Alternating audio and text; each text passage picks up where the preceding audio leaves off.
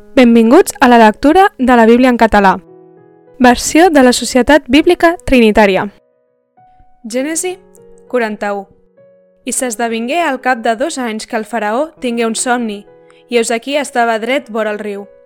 I Eusequí pujaren del riu set vaques de bell aspecte i grasses de carn, i pasturaven enmig dels joncs. I Eusequí darrere d'elles pujaren del riu set altres vaques de mal aspecte i magres de carn, i es posaren al costat de les primeres vaques a la riba del riu. I les vaques de mal aspecte i magres de carn es menjaren les set vaques de bon aspecte i grasses. I el faraó es despertà. I s'adormí i somia per segona vegada, i us aquí set espigues pujaren d'una sola tija, grosses i bones. I us aquí, després d'elles, brotaren set espigues migrades i rostides pel vent de llevant i les espigues migrades engulliren les set espigues grosses i plenes. I el faraó es despertà. I heus aquí era un somni. I s'esdevingué que al matí tenia el seu esperit turbat i envià a cridar tots els mags d'Egipte i tots els seus savis. I el faraó els contà el seu somni, però no hi havia ningú que els pogués interpretar el faraó. I al cap dels copers parla el faraó dient «Em recordo avui de les meves ofenses». El faraó s'havia enfadat amb els seus servents i em va posar sota custòdia, a mi i al cap dels flaquers, a casa del capità dels guardians. I una mateixa nit, jo i ell vam tenir un somni. Cadascú vam tenir un somni amb la seva pròpia interpretació. I allà, amb nosaltres, hi havia un noi hebreu, servent del capità dels guardians i li ho vam contar. I ell ens va interpretar els nostres somnis. A des cadascú li va interpretar el seu somni. I tot s'esdevingué tal com ho ens ho havia interpretat. Així s'esdevingué. A mi, el faraó em va tornar el meu càrrec i a ell el va penjar.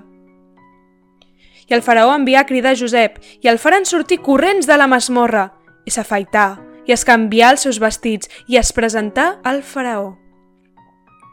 I el faraó digué a Josep, he tingut un somni, però no hi ha ningú que el pugui interpretar i he sentit dir que tu, que quan escoltes un somni el saps interpretar. I Josep respongué al faraó dient, no pas jo. Déu respondrà en pau al faraó. I el faraó digué a Josep, en el meu somni heus aquí, jo estava dret a la vora del riu, i heus aquí, van pujar del riu set vaques grasses, de carn i de vell aspecte, i pasturaven enmig dels joncs. I heus aquí. Van pujar darrere d'elles set altres vaques primes, de molt mal aspecte i magres de carn, com no n'he vist mai de tan lletges en tota la terra d'Egipte. I les vaques magres i lletges es van menjar les set primeres vaques, les grasses, i van entrar al seu interior, però no es coneixia que haguessin entrat dins d'elles, perquè el seu aspecte era tan dolent com al començament. I em vaig despertar i vaig veure en el meu somni. I heus aquí, set espigues que pujaven d'una sola tija, plenes i bones. I heus aquí, darrere d'elles van brotar set espigues seques, migrades i rostides pel vent de llevant. Les espigues migrades van engullir les set espigues bones i he contat això als mags, però no hi ha ningú que m'ho expliqui. I Josep digué al faraó, el somni del faraó és un de sol, Déu ha fet saber al faraó el que ell farà aviat. Les set vaques bones són set anys i les set espigues bones són set anys. El somni és un de sol. I les set vaques magres i lletges que pujaven darrere d'elles són set anys, i les set espigues buides i rostides pel vent de llevant són set anys de fam. Això és el que he dit al faraó. Déu ha mostrat al faraó el que ell farà aviat. Eus aquí, venen set anys de gran abundor en tota la terra d'Egipte. I després d'aquests, sorgiran set anys de fam, i tota l'abundor serà oblidada en la terra d'Egipte, i la fam consumirà la terra. I l'abundor no es coneixerà al país a causa d'aquesta fam que seguirà, perquè serà molt greu. I el fet d'haver-se repetit el somni al faraó dues vegades és que la cosa ha estat determinada per Déu i que Déu s'afanya a complir-la. I ara, que el faraó cerqui un home assenyat i savi i que el posi sobre la terra d'Egipte.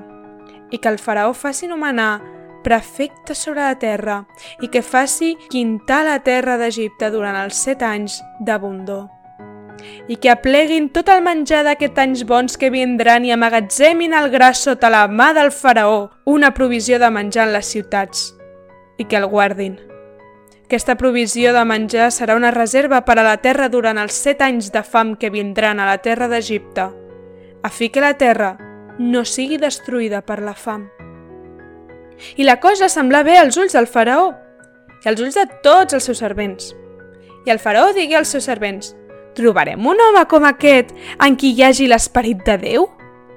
I el faraó digué a Josep, com que Déu t'ha fet saber tot això, no hi ha ningú tan assenyat i savi com tu. Tu estaràs sobre la meva casa, i tot el meu poble obeirà la teva boca.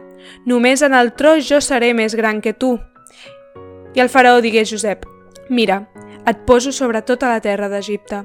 I el faraó es tragué de la mà el seu anell de segellar i el posà a la mà de Josep, i el vestia amb robes de llifí, i posà una cadena d'or al seu coll, i el feu muntar el segon carro que tenia. I pregonava davant d'ell, Ajoanolleu-vos! I el posà sobre tota la terra d'Egipte.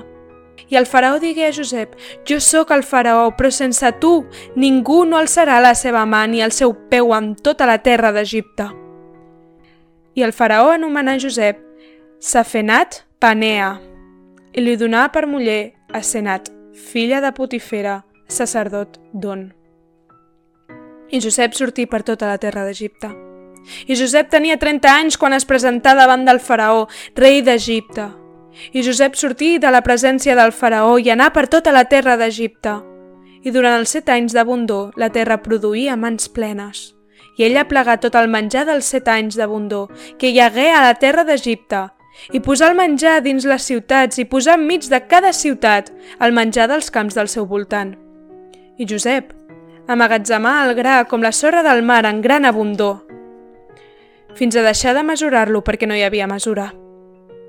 I abans d'arribar l'any de la fam, a Josep li nasqueren dos fills que l'infantà Asenat, filla de Potifera, sacerdot d'On.